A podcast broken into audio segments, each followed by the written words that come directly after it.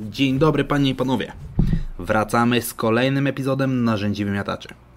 Po krótkiej przerwie nadawczej przenosimy się ze świata kina i Hollywood na korty tenisowe i bierzemy pod lupę jednego z największych wymiataczy tego sportu, czyli Nowaka Dziokowicza.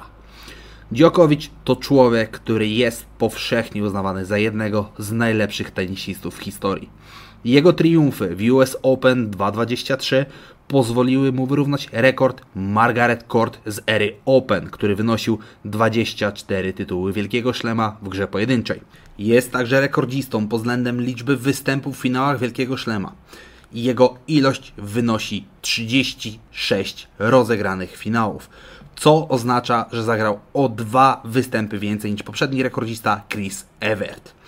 Oprócz spektakularnych osiągnięć w turniejach wielkoszlemowych, Djokovic może poszczycić się rekordowymi 39 tytułami ATP Masters 1000 i jest właścicielem brązowego medalu z Igrzysk Olimpijskich z 2008 roku z Pekinu.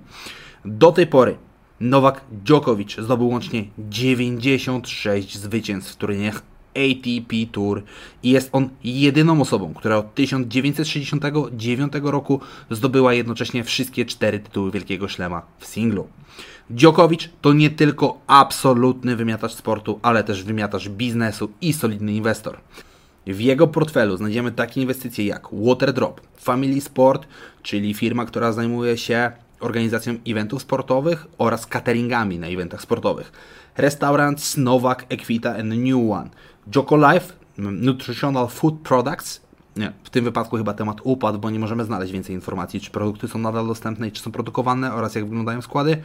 Nowak Djokovic Foundation oraz weże covidowej mieliśmy dosyć dużą inwestycję w firmę, która miała wyprodukować leki na COVID, bo jak powszechnie wiadomo, Nowak Djokovic jest przeciwnikiem szczepionek na COVID-19.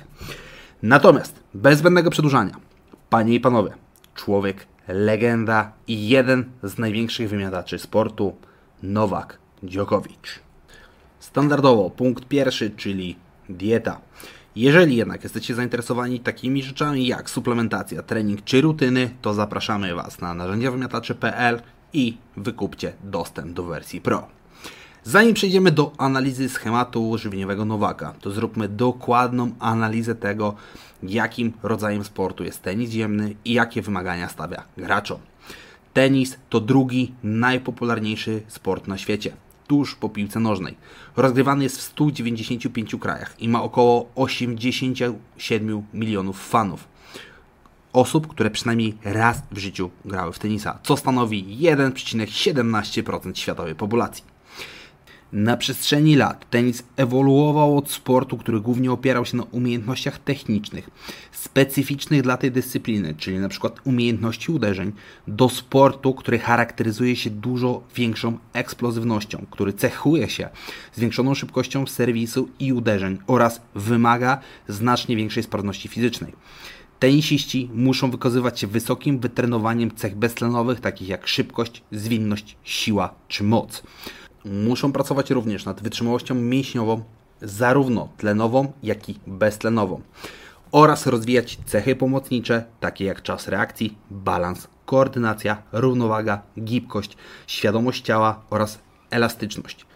Innymi słowy, tenisista musi wykazywać na poziomie elitarnym takie cechy jak, uwaga, zwinność, szybkość, siła, wydolność aerobowa, wydolność beztlenowa. Innymi słowy, Tenisista na poziomie elitarnym musi wykazywać takie cechy jak zwinność, szybkość, siła, wysoka wydolność aerobowa, wysoka wydolność beztlenowa, elementy sprintów, wysoka gibkość, wysoka dynamika, wysoka moc, rozbudowana koordynacja. Do tego musi zadbać o odpowiednie umiejętności techniczne. Podczas średnio 85 minut meczu Średnie tętno tenisisty wynosiło 144,6 uderzeń na minutę, co oznacza, że przez większość czasu tenisiści znajdują się w strefie trzeciej i czwartej, Co istotne, na samo HR może mieć wpływ również otoczenie oraz warunki gry. Na przykład w przypadku Wimbledonu, który rozgrywany jest w Anglii w pierwszym lub drugim tygodniu czerwca, gdzie średnie temperatury wynoszą około 21-22 stopni, mediana między 16 a 29, wartości HR generowane przez warunki będą dużo niższe niż na przykład w trakcie US Open, gdzie w tym roku temperatury sięgały nawet 32 stopni Celsjusza. W przypadku strefy trzeciej znajdujemy się w 90% naszego progu mleczanowego. Próg mleczanowy to punkt, w którym podczas zwiększonego wysiłku mleczan gromadzi się w krwiobiegu na poziomie wyższym niż wartość spoczynkowa. Próg mleczanowy jest bardzo dobrym prognostykiem submaksymalnej sprawności. W trakcie pracy w tej strefie, czyli w strefie trzeciej, wykorzystujemy głównie tłuszcze i węglowodany do celów energetycznych, ponieważ pracują systemy tlenowe, jak i beztlenowe. Natomiast sam próg beztlenowy wyznacza środek strefy czwartej. I strefa czwarta jest kwestią bardzo, bardzo indywidualną, zależącą m.in. od wytrenowania każdego sportowca.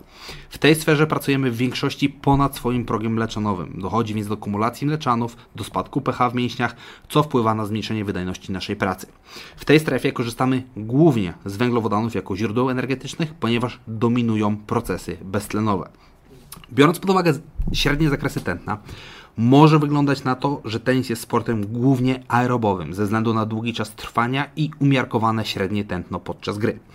Natomiast badacze i ludzie zajmujący się samym tenisem zaznaczają, że wybuchowy charakter serwów i uderzeń po ziemi, szybkie zmiany kierunków, które wymagają dużej wydolności beztlenowej i wysokie zapotrzebowanie na włókna typu drugiego nie są charakterystyczne dla sportu typowo aerobowego. Dlatego błędnym czy dlatego błędne byłoby sugerowanie, że tenis jest w sposób dominujący sportem aerobowym i dużo lepszym rozwiązaniem jest zaklasyfikowanie go jako aktywności, w której przeważają procesy beztlenowe, natomiast sam tenis wymaga bardzo wysokiego wytrenowania aerobowego, aby poprawić wydolność, wytrzymałość oraz tolerancję długotrwającego wysiłku. Tak istotne w przypadku elitarnych graczy jest odpowiednie połączenie przygotowań SNC, przygotowań żywieniowych, adaptacji do warunków kortu, do adaptacji do warunków temperaturowych. Co oznacza, że tenis wymaga nie tylko dobrego wytrenowania zawodnika, ale również dobrze zaplanowanej strategii na każdy mecz sezonu. W trakcie sezonu elitarni gracze biorą zazwyczaj udział w 15 do 30 turniejów rocznie, co w rezultacie daje między 50 a 150 meczów singlowych i możliwość rozegrania ponad 50 meczów deblowych rocznie. Zakładając zatem scenariusz minimalny, daje nam to mecz co 3 dni w roku. Zakładając ten element najwyższy, daje nam to mecz co około 2-2,5 dnia. Jeżeli dołożymy do tego treningi, podróże, zmiany stref czasowych, to absolutnie powoduje, że strategia żywienia, regeneracji, treningu, suplementacji oraz nawyków będzie tym, co pozwoli na generowanie lepszych wyników w trakcie całego sezonu. Zatem, bez zbędnego przedłużania, Przejdźmy do analizy modelu człowieka, który w wieku 36 lat, bo tyle lat ma w 2023 roku, kiedy nagrywamy ten materiał, rozegrał 51 meczów singla, z czego wygrał 46, a przegrał tylko 5. Wygrał Australian Open, US Open, French Open i zajął drugą pozycję na Wimbledonie w wieku 36 lat. Zaczynamy cytatem. Mój dietetyk wykonał świetną robotę. Zmieniając moją dietę po tym, jak ustaliliśmy, że mam alergię na takie rzeczy jak gluten czy nabiał. Nie mogę jeść pizzy, makaronów, chleba. Schudłem trochę, ale moje ruchy są ostrzejsze i czuję się świetnie. Na samym wstępie widzimy podobieństwo do diety Roberta Lewandowskiego. Djokovic opiera się o dietę bezglutenową. Jednym z powodów takiej decyzji jest to, że w przyszłości borykał się z poważnymi problemami z układem oddechowym, które skłoniły go do poddania się operacji nosa w celu wyeliminowania tego schorzenia. Lekarz zasugerował wówczas modyfikację diecie i stylu życia oraz zrobienie testu na nietolerancje pokarmowe bądź na jakieś elementy alergiczne. I Djokovic stwierdził, że wyeliminowanie tych produktów żywieniowych, czy wyeliminowanie, wyeliminowanie tych rzeczy, na które realnie wyszły um, alergeny czy nietolerancje pokarmowe, znacząco mu pomogły. Więc po 2016 roku Djokovic zdecydował się na pełnoprawną dietę bezglutenową, beznabiałową, beznabiałową ograniczanie rafinowanego cukru. Tak jak mówię, bardzo duże podobieństwo do diety Roberta Lewandowskiego, jeżeli chodzi o składowe. Zatem widzimy tutaj dietę eliminacyjną, czyli bez nabiału czy produktów zbożowych. Jedna z teorii mówi o tym, że gluten i białka mleczne, a w szczególności kazomorfiny czy gliadomorfiny, mogą wpływać na performance fizyczny oraz mentalny. Nauka ma na ten temat nieco inne zdanie. Czyli tak długo, jak nie mamy realnych wskazań, a badania na nietolerancję pokarmową niestety nie są realnymi wskazaniami medycznymi, a raz testami, które są mm, szeroko pojęte, czy o szerokim pojętym wysokim, o wysokiej wiarygodności, jeżeli nie mamy wskazań do wykluczenia tych grup pokarmowych, na przykład z powodu nietolerancji mm, glutenu lub celiaki, to nie odnotujemy poprawy rezultatów, przynajmniej w teorii. Aczkolwiek w mojej praktyce spotkałem się z przypadkami, gdzie zmiana diety na bezgluten i bez nabiał przerzucała się na poprawę wyników, nawet bez większych wskazań medycznych. Tutaj pojawia się zawsze słowo klucz w przypadku pracy z atletami i zawodnikami z szeroko pojętego topu. Indywidualizacja zaleceń i obserwowanie performance'u. Jeżeli coś jest głupie, ale działa, to znaczy, że nie jest głupie.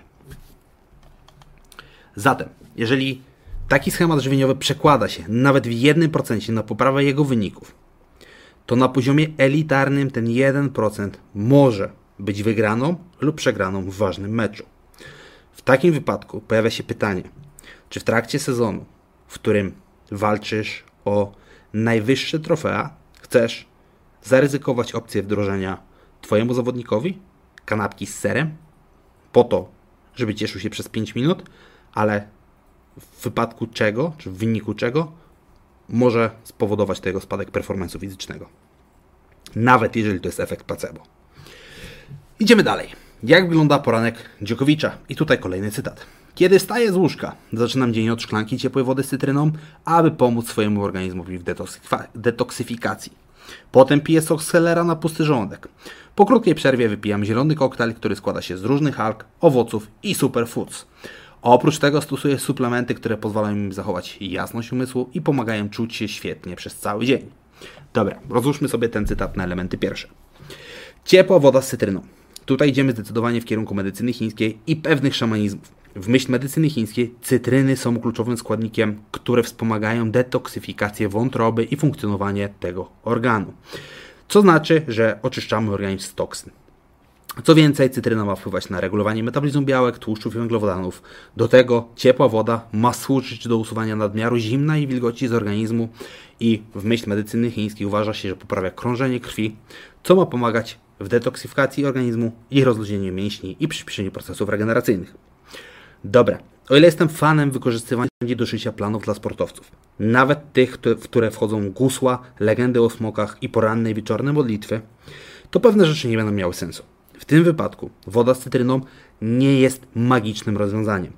Ale jeżeli dorzucimy do niej odrobinę elektrolitów w celu zbilansowania systemu renina, angiotensyna, aldosteron, to możemy realnie wyciągnąć sporo benefitów. Idziemy dalej. Sok z selera na pusty żołądek. Przeciwutleniacze zawarte w selerze obejmują takie rzeczy jak flawonoidy, witamina C, lunaryna, bergapten, które pomagają wyeliminować naturalne substancje chemiczne w organizmie zwane wolnymi rodnikami, które mogą uszkadzać komórki i prowadzić do raka czy innych zaburzeń, czy innych chorób. E, seler jest bogaty w związek zwany ftalidem, który może wpływać pozytywnie na pracę układu sercowo-naczyniowego oraz obniżać cholesterol. W tym wypadku, jak wyżej, picie soku z selera na czczo nie jest olbrzymim game changerem per se. W tym, jak pracuje Twój organizm, czy czymś, co będzie istotnie wpływało na Twój performance fizyczny.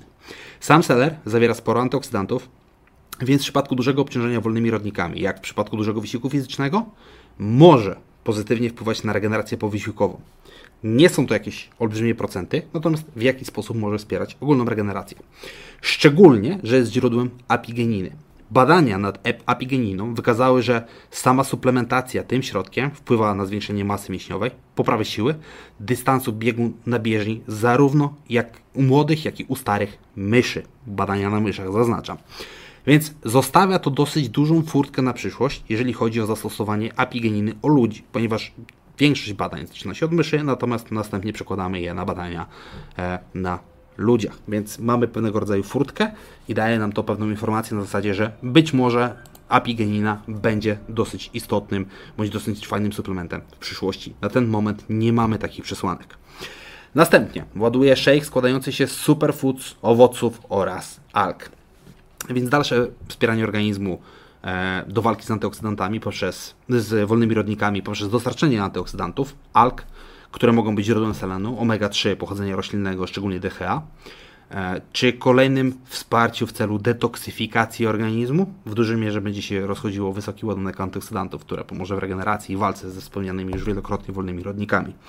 Więc tu jakby nie ma jakiejś magii w tym poranku. To nie jest tak, że te trzy rzeczy będą olbrzymim game changerem, natomiast jest trochę guseł w połączeniu z elementami e, antyoksydantów i walki z wolnymi rodnikami, które mogą być pomocne. Mm, nie wiem, czy robiłbym aż tak duże obciążenie zawodnika z samego rana, jeżeli wstaje i załadowanie go trzema posiłkami półpłynnymi, czy dwoma posiłkami półpłynnymi w postaci soku z selera i szejka składającym się z superfoods, owoców, alk oraz odżywki białkowej, jak wyjdzie później w materiale. Natomiast to nie są też jakieś rzeczy, które należałoby wyeliminować albo są olbrzymim błędem. Pytanie, jak pozwala to na dalsze funkcjonowanie w ciągu dnia i dostarczanie e, energii z innymi posiłkami. Tutaj ciekawe, bo mm, owoce w przypadku Dżokowicza stanowią sporą część jego dziennej podaży węglowodanów, ponieważ mamy eliminację e, zbóż, mamy eliminację glutenu, więc owoce stanowią sporą część, e, spory procent węglowodanów w jego diecie. Pierwszym posiłkiem Nowaka Djokowicza w ciągu dnia jest, jak sam to nazywa, miseczka mocy. To połączenie różnych nasion, musli bezglutenowego, świeżych owoców, jagód, mieszanki orzechów, mleka migdałowego lub ryżowego z dodatkiem miodu manuka.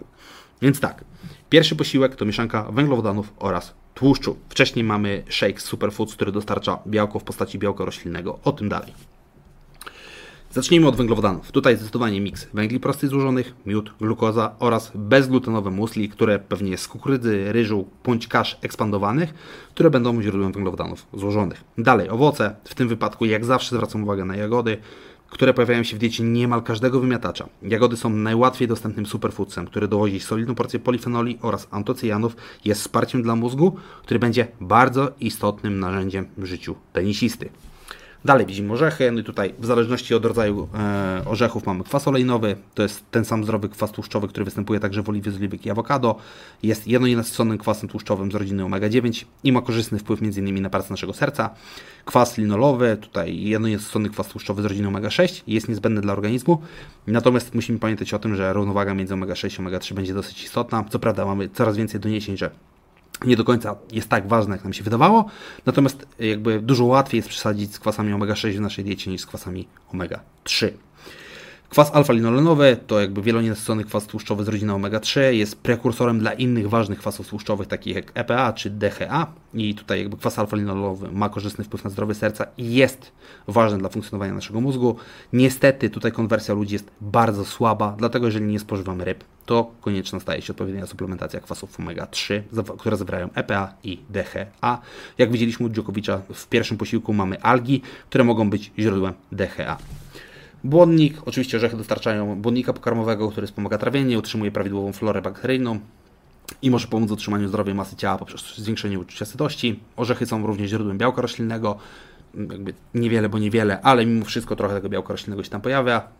Mamy dostarczenie takich witamin jak witamina E, witamina B6, która jest e, ważna dla funkcji mózgu i układu odpornościowego, minerały takie jak magnez, miedź czy cynk. Oczywiście dalej mamy antyoksydanty, no tutaj wspomniana witamina E, która jest doskonała, jakby orzechy są doskonałym źródłem e, witaminy E, szczególnie tokoferoli. Witamina E działa jako silny antyoksydant, chroniący organizm przed uszkodzeniem oksydacyjnym, czyli znowu wolne rodniki. Polifenole, m.in. E, takie jak kwas elagowy, flawonoidy, selen, e, zwłaszcza orzechy brazylijskie, które są bogatym źródłem selenu.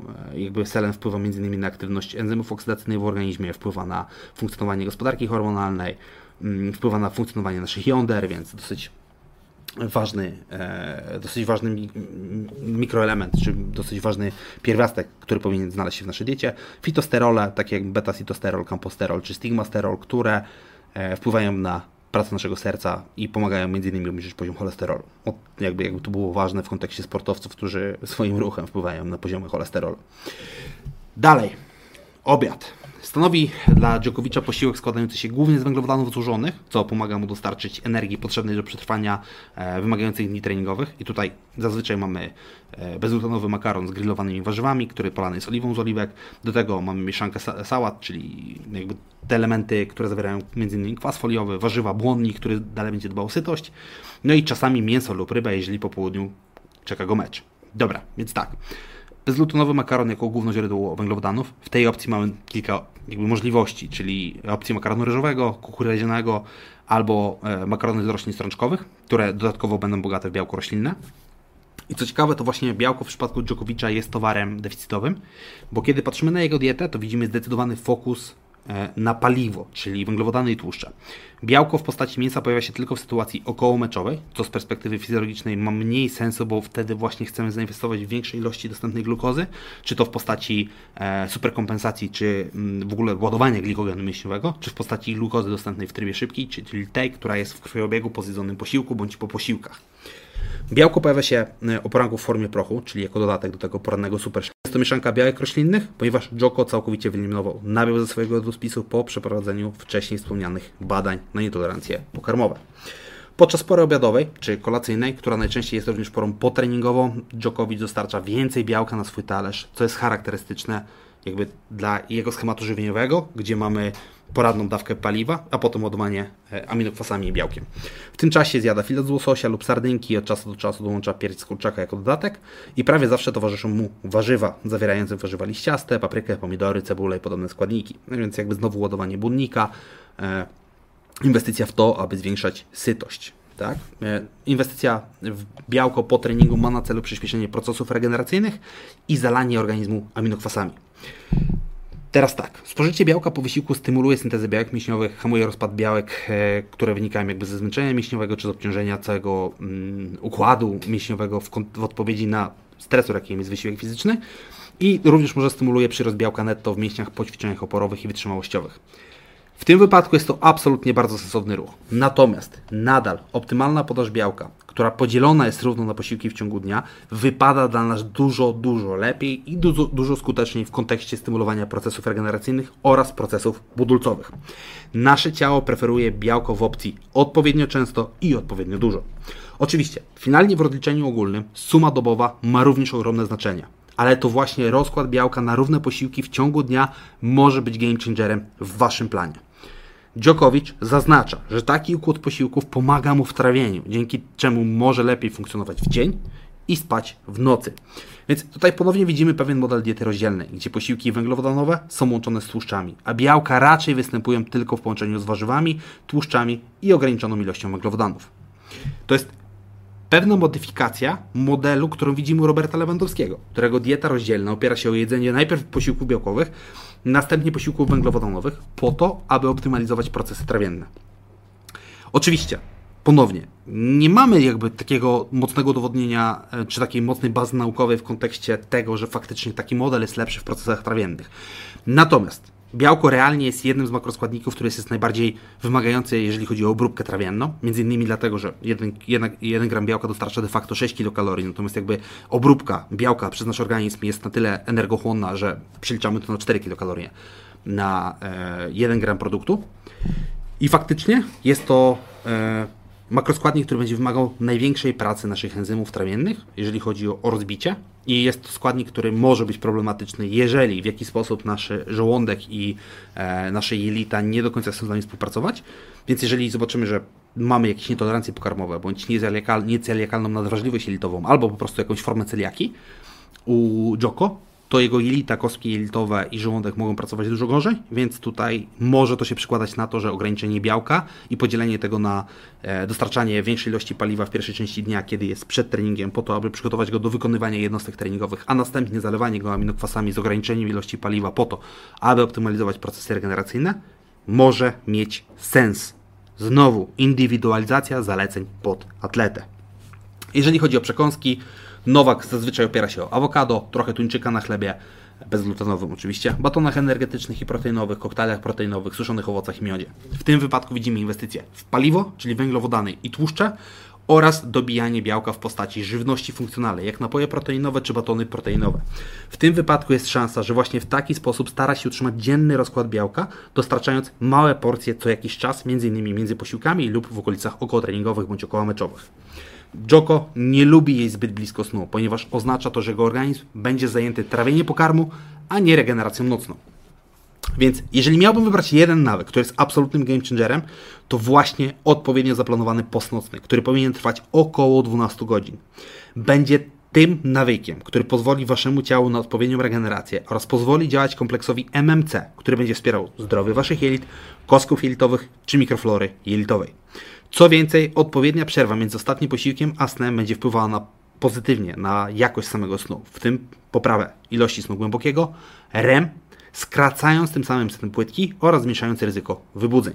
W tym wypadku odpowiedni post nocny jest dużo lepszym wyborem niż inwestowanie w posiłki o konkretnym rozkładzie makro, niż cytryna z wodą, naczczo, detoksyfikacja wątroby. To jest realny game changer. Bardzo pochwalam tą rutynę.